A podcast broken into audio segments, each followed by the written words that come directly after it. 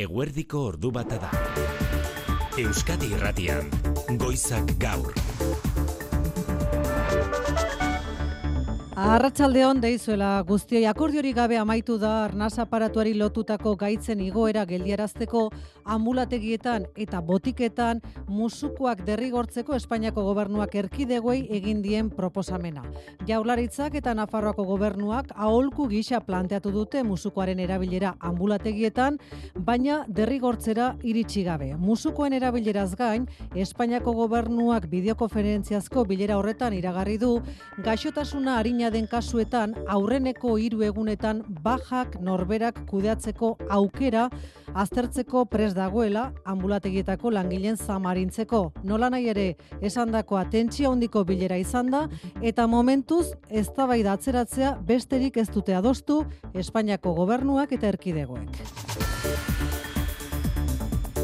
Loiuko aireportuan aurreko hiru egunetako irudiak errepikatu dira Iberiako lurreko langileen laugarren eta momentuz azken greba egun honetan. Bataz beste bi ordu terdiko atzerapenak egaldietan, fakturazio maietan hilara luzeak eta ateratzen diren hegaldi gehienak maletarik gabe. Loiuko izaten ari da gainera greba honengatik eragozpen larrienak bizi dituen estatuko aireportua Marijo Deograziaz da bertan aurrera Marijo. Bai, ba, hause giroa loiuko aeroportuan goizean zehar maite. Iberia culpable, Iberia responsable. Komisionez eta auketek deituta protesta zaratatxua batetik eta bidaiari hilara amaigabeak bestetik. Batez ere buelin konpaineren mostradoreetan maletak fakturatzeko zain. Baina gaur ere laugarren egunez jarraian, ba, maletarik ez egazkinen bodegatan, egaldien euneko larogeita mar maleta barik atera da loiutik sindikatuen esanetan, eta uneotan hegaldi panelean atzerapenarekin zazpi hegaldi. Tartean Bartzelonara, Bruselara eta Hamburgora doazen hegaldiak Iberiako lurreko beharginek gaur dute azken greba eguna, baina ez dute baztertzen mobilizazioekin jarraitzea enpresaren bilera deiaren zain. Bigarren irudia Nafarroako Pirineoetan gauerdiarekin batera sartuko da bertan indarrean hotzagatik eta izotzagatik abisu horia. Horreagan gaur hala ere elurrak esate baterako enbarazu baino jostatzeko aukera gehiago ematen du. Horreagako paisaje zoragarriaren lekuko patxirigoien aurrera. Arratsaldeon iritsi da lehen elurtea Piriniora, asteburuan iritsi ere eta gradu bat zeropetik bataz besteko temperaturarekin, ez du elurrak bere alakoan joaterik izanen esaterako hemen horreagan. Kolegiatako teiatua zuri, bisitari bat edo beste elurra ikutzera etorritakoa eta urten lehen aldiz eskiak atera dituztenak ere onatxe. Bakoitza leku batetik, ni zangotzatik adibidez. Ba, igoera batzuk egin eta jaitxiera batzuk lan egun pasa, lasai-lasai, eta ba, elurra dagoenez probestera, eguna probestera. Atzo izan zen lehenengo eguna etorri nintzena hemen eta hori oso ongi, oso gustora hemen tokia hori kriston elurte, elurtea mondu, osea, que Pausatu den elurrak zenbateko geruza utzi duen ideia bat egin dezazuen, eskua sartu dugu eta eskumuturretik gora estali digu elurrak tarte baterako bakean utziko du Pirinioa urrengo egunetan ordea hotz handia espero da alerta hori ezarriko du AMT gauerditik aurrera zeropetik zazpi gradur arteko markara heldu liteke merkurioa. Eta zer dio Euskalmetek jaione munarriz arratsaldeo, nola datoz urrengo ordua? Kaixo, arratsaldeon. Bueno, ba, dozen orduetan prezipitazio kontuak alboratu egingo ditugu, dena etertuko du eta odeitza ere baztertsua eta harinduko da. Beraz, e, giro lehorra, baina hotz egingo du. Horre, maksimoak barnealdean 5 graduren inguruan geldituko dira eta kostaldean nekez iritsiko dira 10 gradura. Eta gauean, ba, odeitza zulatu eta izotza egingo du barnealdeko leku askotan. Beraz, aste artea hotzetik esnatuko da, zeropeko balioekin barnealdeko leku askotan eta itxasortzean ere hotz galanta egingo du. Entzuten ari gara asteazkenean etorliteke laukerrena jaione elurra irureun lareun metrora ere iritsi da ikustera, baina elurkota eta prezipitazio kantitateren inguruan oraindik ziurgabetasuna handia da, ezta? Hori da, bai, asteazkenerako zalantza handiak daude elurkotaren eta prezipitazio kantitatearen e, inguruan. Izan ere, bueno, bere barnean aire masa oso hotza izango duen depresio askatu bat kantauritxesotik sartuko da, aldi berean gainazalean presio basuak nagusituko dira eta hauei loturiko fronte bat iritsiko da egualdetik, eta egoera horrekin elurra asteburuan baino maila basuagoan egin dezake, baina oraindik ziurgabetasuna probabilitasuna handia da izan ere depresio eskatu horren azken kokapenaren arabera egoera asko aldatu bai daiteke bai elurkotari dagokionez eta baita prezipitazio kantitatearen dagokionez. Beraz, momentuz gaur gaurkoz esan dezakegu elurkota laureun eta zazpireun metro artean koka daitekeela eta prezipitazioa ez dela oso ugaria izango. Azken egunetan iragarpena asko aldatu da eta. Adi, adi, jarraituko dugu, datozen orduetan ze joera hartzen duen eguraldia, jaion eskerrik asko, gero arte. Vale, gero arte. Errepidetan anain zauzti zein da egoera. Ba, azken orduan Bizkaia eta Gipuzko artean gertatu den istripua dugu. Aipatzeko ondarroa eta Murut- mutriku artean Gipuzkoa 628 emezortzi errepidean izan da, datu gutxi ditugu, auto bat bidetik irten dela esan digute segurtasun sailean eta ondorioz arretaz, gidatzeko leku horretan. Eguneko beste lerroburuetan inigo alusti zarratxaldeon. Baita zuri ere, Maite. Jaurlaritza arretaz jarraitzen ari da Galizian agertu diren plastikozko pellet bolatxoen edapena Euskal Kostaldera iritsi daitezkeelakoan oianek abeza sastiko ikerlaria da. Bi bost milimetro inguruko biliztatxoak bezala, ez? Eta hori urean sartzen denean, e, normalean e, flotatu ditu dute, eta azkenen Galizian gertatu den gauza bat, ba, oso errexi e, gure kostaldetara da iritsi duteren gauza da. Justu gaurrila bete galdu zuen itsasontzi batek bere zamaren zati bat Portugal iparraldeko kostaparean eta arrezkero Galiziako hogei bat ondartzatan eta Asturiasko beste zenbaitetan ikusi dituzte plastikozko bolatxoak, voluntarioak bolatxoriek biltzeko antolatzen hasi dira Galizian eta bertako xuntak eta Espainiako gobernuek bitartean elkarri leporatu diote ekimen falta. EITB datak egindako azken txostenaren berri zehatza ere emango dizuegu goiza gaur albistegian ego Euskal Herrian nabarmen hasiko baita pentsiodunen kopurua datozen bost urteotan, bost mila eta zireun pentsiodun urtero bataz beste horrek dakartzan ondorioekin. Nafarroako aurreskola publikoak doakoak izango dira bestalde datorren ikasturtean familia guztientzat. La medida supone alcanzar el objetivo, insisto, estratégico de la Carlos plena Jimeno hezkuntza kontseileriak azaldu du gobernu programan jasotako helburu estrategikoa dela 0 eta 3 urteko hezkuntza era bat doako izatea, bai foru gobernuak zuzenean kudeatzen dituen aurreskoletan, baita udalen menpekoetan ere. Euskal Autonomia Erkidegoan bestalde, datorren otxailaren zazpian abiatuko da 2008 lau 2008 ikasturterako aurre matrikulazio kanpaina. Eta ekialde hurbilean alegin diplomatikoak areagotzen ari dira Gazako gerra eskualdean gehiago zabal ez dadin. Anthony Blinken estatu batuetako estatu idazkaria Saudi Arabian Emirerri batuetan eta Israelen izango da gaur onako hartarazpena egin berritan. This is a conflict that could easily metastasize. Metastasi prozesuan sarlitekeela gatazka, ziurgabetasun eta sufrimendua are handiago eraginez. Ordu bat aterdietan kirolegez, orain aurrerapena arritxu iribarre. Ba, futbola ipatuko dugu, arratsaldeko sei terdietan egingo da erregeko pako zozketa eta bomboan lau euskal talde, lehen mailako lau euskal taldeak izango ditugu. Atletikek ipuruan utxe eta hiru irabazi eta sailkatzea lortu du Eibarren aurka realak, Malagan utxe eta bat irabazi du eta emaitza bera izan du osasunak Castellonen seiterdietan zuzketa, kanporaketa urtarrilaren amazazpien jokatuko da. Eta kolpea gazteizen saskibaloian Baskonia kopatik kanpo gelditu baita Real Madrilen aurka galduta azken bost urteetan hirugarrenez gertatu da. Kulturan Oskarren aurrekari izaten dira aurrezko globoak banatu dituzte goizaldean eta sari gehien irabazi duen Oppenheimer filmak erabateko gaurkotasuna du gure artean zergatik manotxe sortu. Ba, urtero egiten duten zinema eta zientzia ziklo hasiko da aste honetan Euskal Herrian eta injustu Christopher Nolan zuzendariaren Oppenheimer aukeratu dute zikloa abiatzeko. Ez dira emanaldi soilak izango maite. Zientzialaria joango dira filmari buruzko azalpenak ematera. Esate baterako Donostiako, Bilboko eta Iruñeko emanaldietan Pedro Miguel Etxenike fisikariak egingo du aurkezpen lana. Bestela urrezko globoen banaketak une historiko eta unkigarria utzi digu. Oikein sokoiksi. Metänekö pitääkin mahto toiseksi ketsettapi. Oin beltzak, oin beltzen komunitateko hizkuntza erabili du Lily Gladstone aktoreak eskarrak emateko. Ameriketako jatorrizko persona batek globoa irabazten duen lehendabiziko aldi izan da Martin Scorseseren filmean egindako lanagatik. Ordu bata eta bederatzi minutu dira Mikel Retegi eta Xabi Iraola teknikan eta errealizazioan. Euskadi Irratian. Goizak gaur. Maite Artola. Musukoak ambulategietan eta botiketan derrigortzeko akordiori gabe amaitu da Espainiako gobernuak erkidegoekin egindako bilera jaularitzako iturriek jakinarazi digutenez. Arnaz aparatuko gaitzen gorakada ikusita, Espainiako osasun ministroak mai gainean jarri duen neurrietako bat zenori eta bestea gaixotasuna oraindik harina denean bajak autojustifikatzeko aukera ambulategietako zama arintze aldera, baina esandakoa neurri zehatzik adostu gabe amaitu berria da bilera hori, Maialen Arratibel Arratsaldeon. Arratsaldeon bai, Monika Garzia Osasun Ministroak proposamen hori egin die tokian tokiko osasun agintariei, gaixotasun arinagatik medikuarekin hitz egin gabe hiru eguneko baja autojustifikatzeko aukera izan dezatela. Zertarako, ba arintzeko e, osasun zentro eta ospitaletako gainkarga entzun. Basta con una declaración responsable, que es básicamente lo que le haces también a tu médico, ¿no? Tú a tu médico le cuentas que, pues, que estás malo. Esto es una Onda, demanda, insisto, pero irratikatean gaineratu du, gizarte segurantzako ministerioarekin koordinatu beharko litzatekela neurria, baina iruditzen zaiola, osasun arloko profesionalen babesa izango lukela.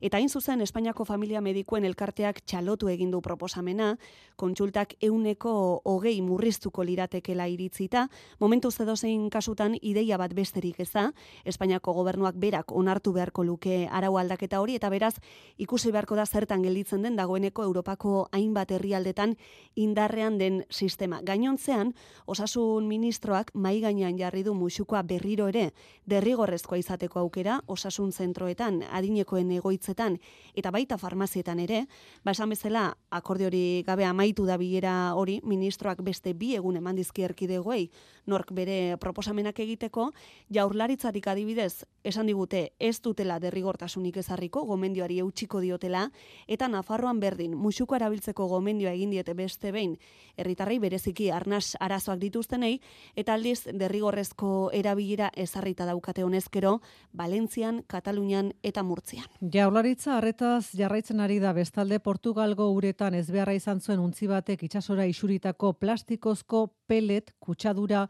Euskal kostaldera iristeko arriskurik baote den. Galizako itsasertzean voluntarioak hasi dira asteburuan ondartzak zuri utzi dituzten plastikozko bolatxoiek biltzen, bertako xuntak eta Espainiako gobernuak elkarri ekimen falta leporatzen dioten bitartean. Asturiasko hainbat ondartzatan ere atzeman dute mikroplastiko hau eta pelet kutsadura Euskal kostaldera iristea oso litekena dela esan digu faktorian oianek abezaz aztiko ikerlariak mertzetxe berria. Abenduaren zortziko ez beharrean sei kontainer galdu zituen toko nau merkadaluntziak Atlantikoko uretan Portugalgo Biana do Castelotik laurogei bat kilometrora. Gutxienez mila zaku pelet galdu zituela baitatu dio Espainiako gobernuari. Hau da, urtu eta plastikozko edozer ekoizteko erabiltzen diren bolatxoz betetako zakuak alegia. Aste batzutara hasi da plastiko marea zuria akoruñako eta lugoko ondartzetan antzematen Asturiasko gobernuak itxaskutz kutsadurari lotutako larrialdi plana gaur jarri du martxan, hainbat ondartzatan mikroplastikoa atzeman ondoren eta Kantabriako erakundek ekin diote bilaketari oraingo zemaitzari gabe. Kantauriko itxaskorronten norabidea aintzat hartuta kutsadura Euskal Kostaldera iritsiko dela zalantza gutxi du oianek abezaz aztiko ikerlariak. Azkenan bai dire bi bost milimetro inguruko bilistatxoak bezala, ez? Eta hori urean sartzen denean, e, normalean e, flotatu ditzen dute, eta azkenan Galizian gertatu den gauza bat, ba, oso errexi e, gure kostaldetara ere bai iritsi diteren gauza bat da. Orduan ba, bai, gure kostaldetara iritsi diteke, uratzen daude, usak honetan ere bai aurkitu ditzazkegu, Gertatzen ari dena oraingoz ezin da ondamendiatzat jo ikerlariaren iritzirako, baina larria dela dio eta kontuz jarraitu beharrekoa izan dezaken eraginaz galdetuta irentsi ditzaketen hegaztiena nabarmendu du.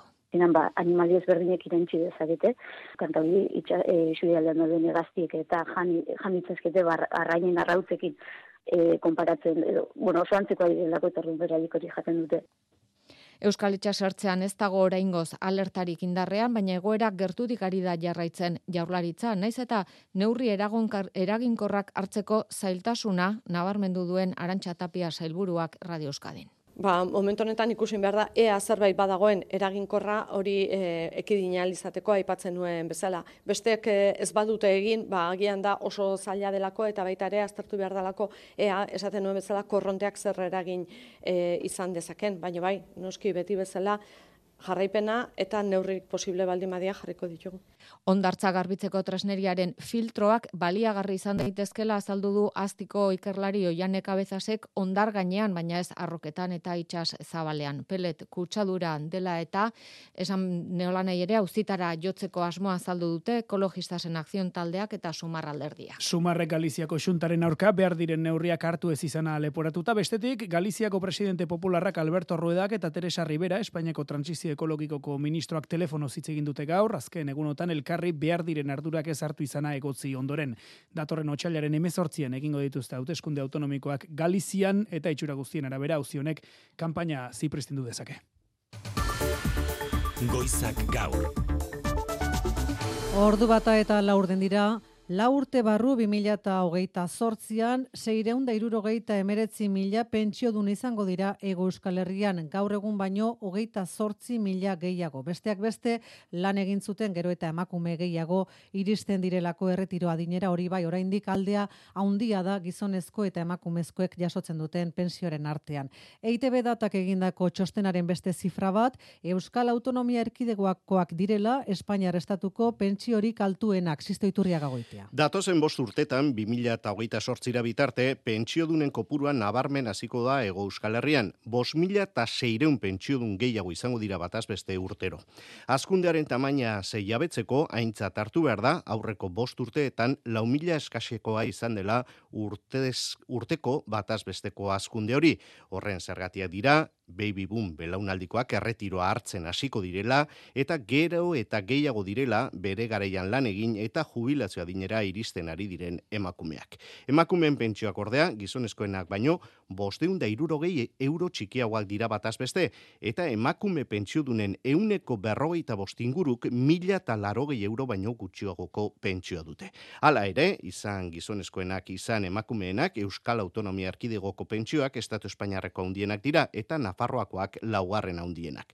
Jubilazio pentsioaren kasuan zehazki, Euskadiko bataz bestekoa, ia mila eta zazpireun eurokoa da, eta Nafarroakoa mila eta bosteun eurokoa. Beste batu bat da, gero eta beranduago jubilatzen ari garela, pasaden urtean bataz beste, irurogei talau urte tardirekin jubilatu dira Euskal Herriko langileak, 2000 eta emeretzean berriz, irurogeita iru koma bederatzikoa zen, bataz besteko jubilazioa dinori. Hain zuzen ere erretiro adina atzeratzea izan da, sistemaren sostengarritasunari eusteko hartutako neurri bat, baina krisi demografikoaren eraginez neurri gehiago beharko direla diotea dituek. Izan ere, Euskal Autonomia Erkidegoan dugun arazoetako bat eh, baita, pentsio dun bakoitzeko kotizatzaileen portzentaia bat koma larogeita sortzikoa dela, hau da, bi langile baino gutxiago pentsio dun bakoitzeko.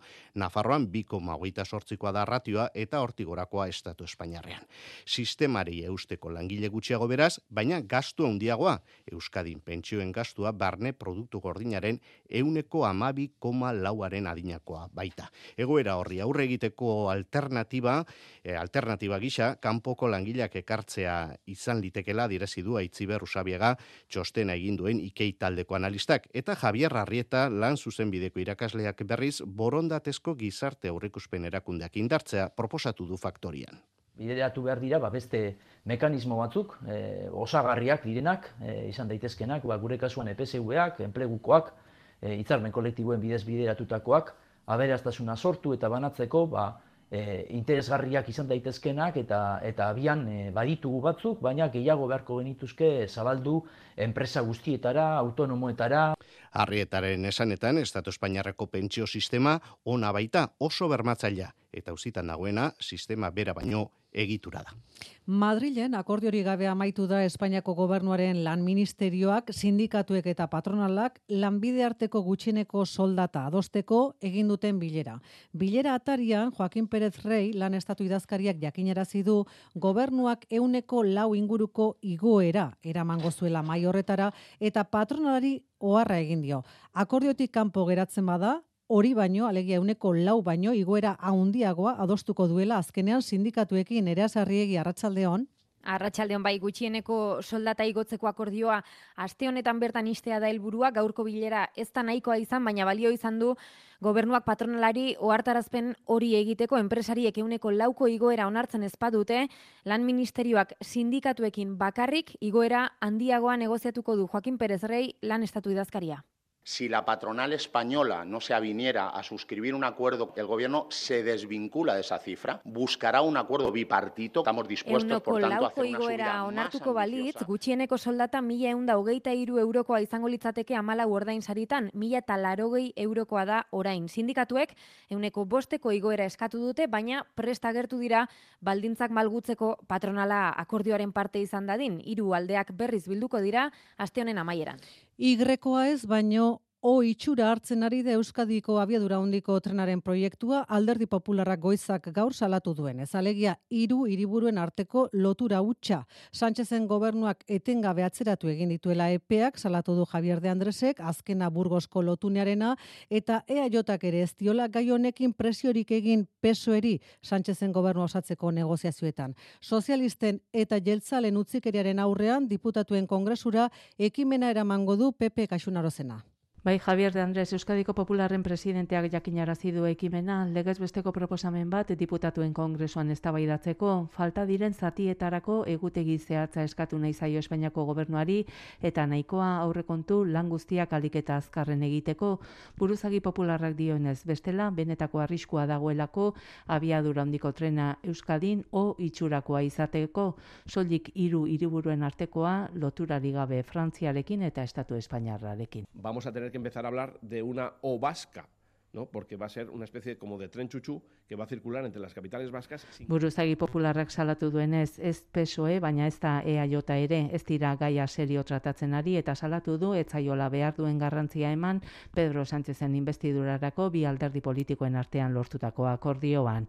Javier de Andresek salatu duenez, lanak atzeratzen ari dira etengabe, eta hiru aste lehenago 2008 laurako aurre ikusten baldima zen Burgos eta Gasteiz arteko zatia, orain Espainiako gobernuak esan du 2008 bostean ez jarraituko duela. Loiuko aireportuan aurreko hiru egunetako irudiak errepikatu dira goizean Iberiako lurreko langileen laugarren eta momentuz azken greba egunean atzerapenak egaldietan eta fakturiazio maitan hilara luzeak eta gainera sindikatuek ez dute baztertzen mobilizazio gehiago deitzea Marijo de Ogracias Loiu Arratsaldeon.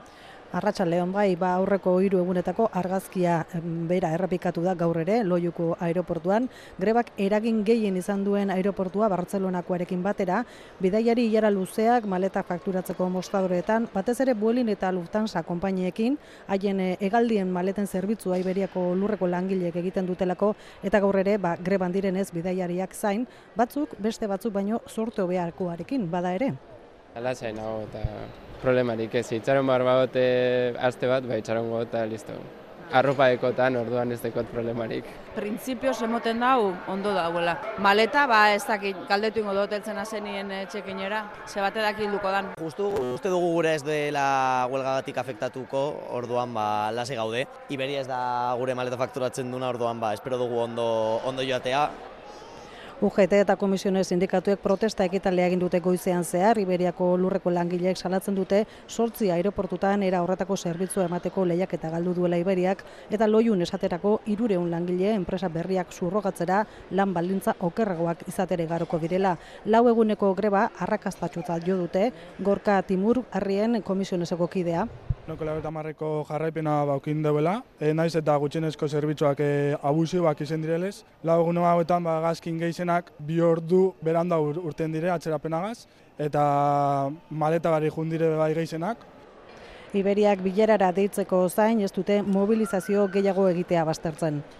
Ordu bata eta hogeita iru, sarreran aurreratu dizegu, temperatura basuak, hotza nagusi Euskal Herrian, neguko giroa egia san eta hotz horri aste honetan gehitu dakioke elurra. Iragarpenek oraindik argi argi ez dute esaten prezipitaziorik izango den baina araba neguko bidezaintza planak ezarri du jada larrialdi egoera. Hiriburuan izen berriz aurre larrialdi fasea aktibatu dute. Hori bai jakitun okerrena izatekotan asteazkenekoa izango dela irati barrena gazteiz arratsaldeon arratsaldeon bai arratsaldeon bai asteazkenean irits daiteke elurra gazteizera eta iragarpenaren aurrean udalak martxan jarri du aurre larrialdi fasea. Zer esan nahi du honek, udal baliabide guztiak aurre alerta egoeran daudela. Trafiko langile udaltzain edota suhiltzaileak ordu hauetan ari dira egiaztatzen beharrezko material baliabide guztiak dituztela elurte bati aurre egiteko izan gatz zakuak edota makineria beste inbeste lurraldean araban oraindik elur konturik ez den arren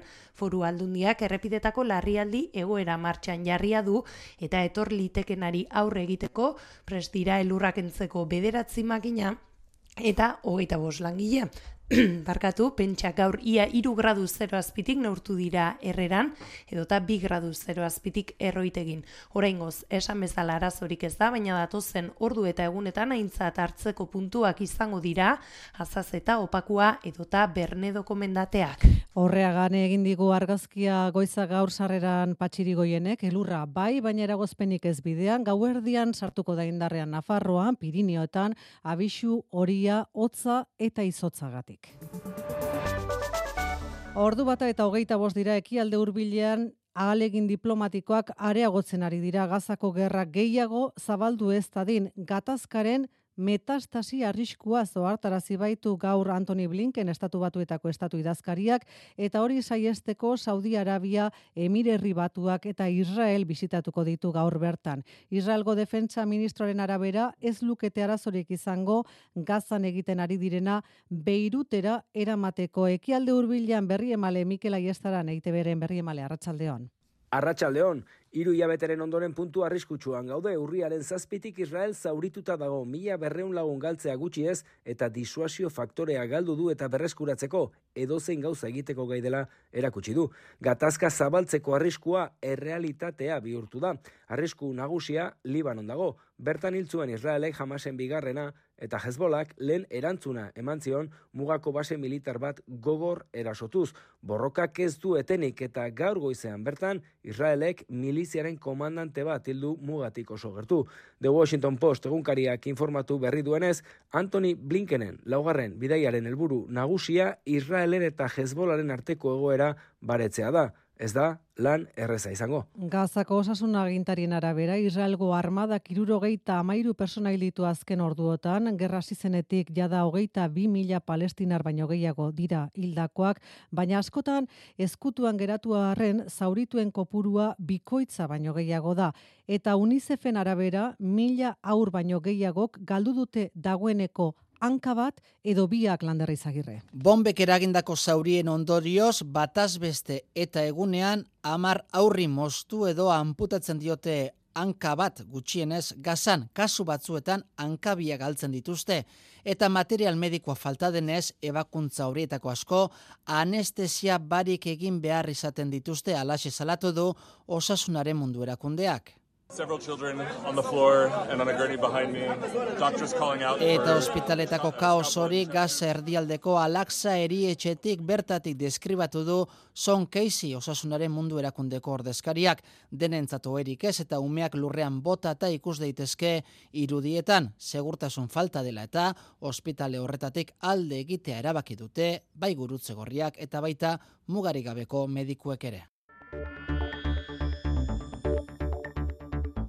Hori entzun da frivolitatea eta guzti ematen du merkealdia hitz egitea Euskal Autonomia Erkidegoan gaur abiatu da. Nafarroan hainbat saltoki handik atzo ere hasi zuten eta Ipar Euskal Herrian etzi ekingo diote sasoi honi.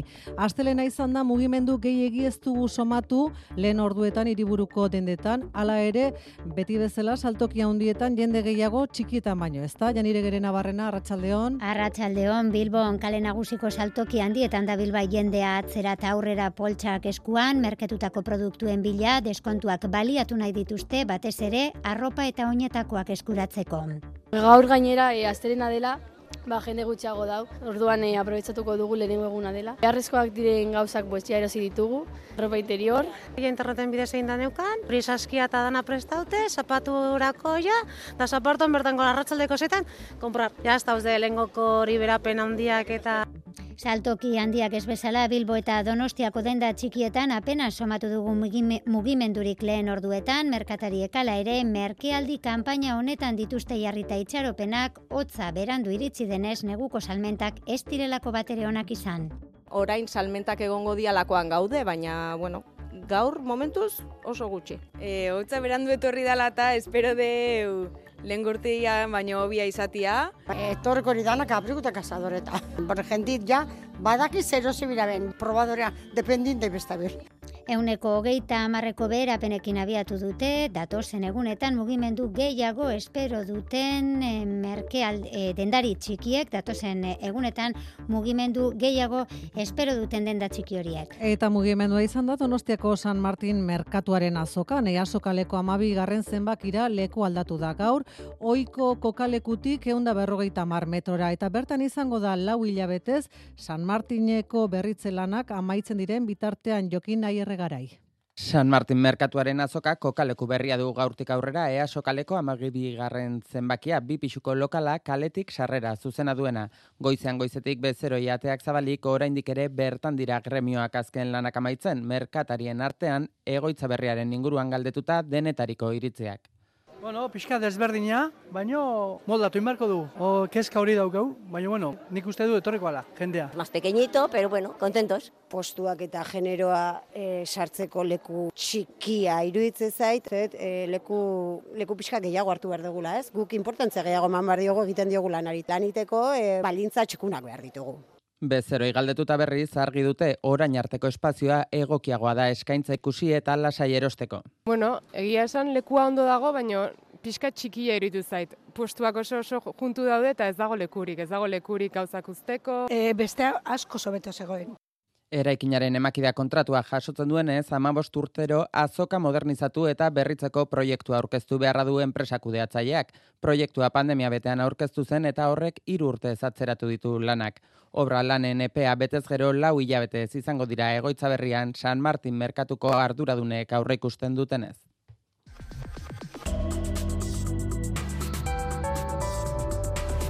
Euskadi Irratian eguraldia eta trafikoa. Aparteko gora berari gabe errepidezaren nagusian, ordu honetan segurtasun zailak esan digunez, eta usi urren gorduetarako eguraldiaren pronostikoa euskalmeten eskutik. Arratxaldean prezipitazio kontuak alboratu egingo ditugu denean atertuko baitu eta odeitzare bazertxo baita arinduko da. Beraz, e, giro lehorra baina hotz egingo du maksimoak barnealdean bos graduren inguruan geldituko dira eta kostaldean nekez iritsiko dira amar gradura.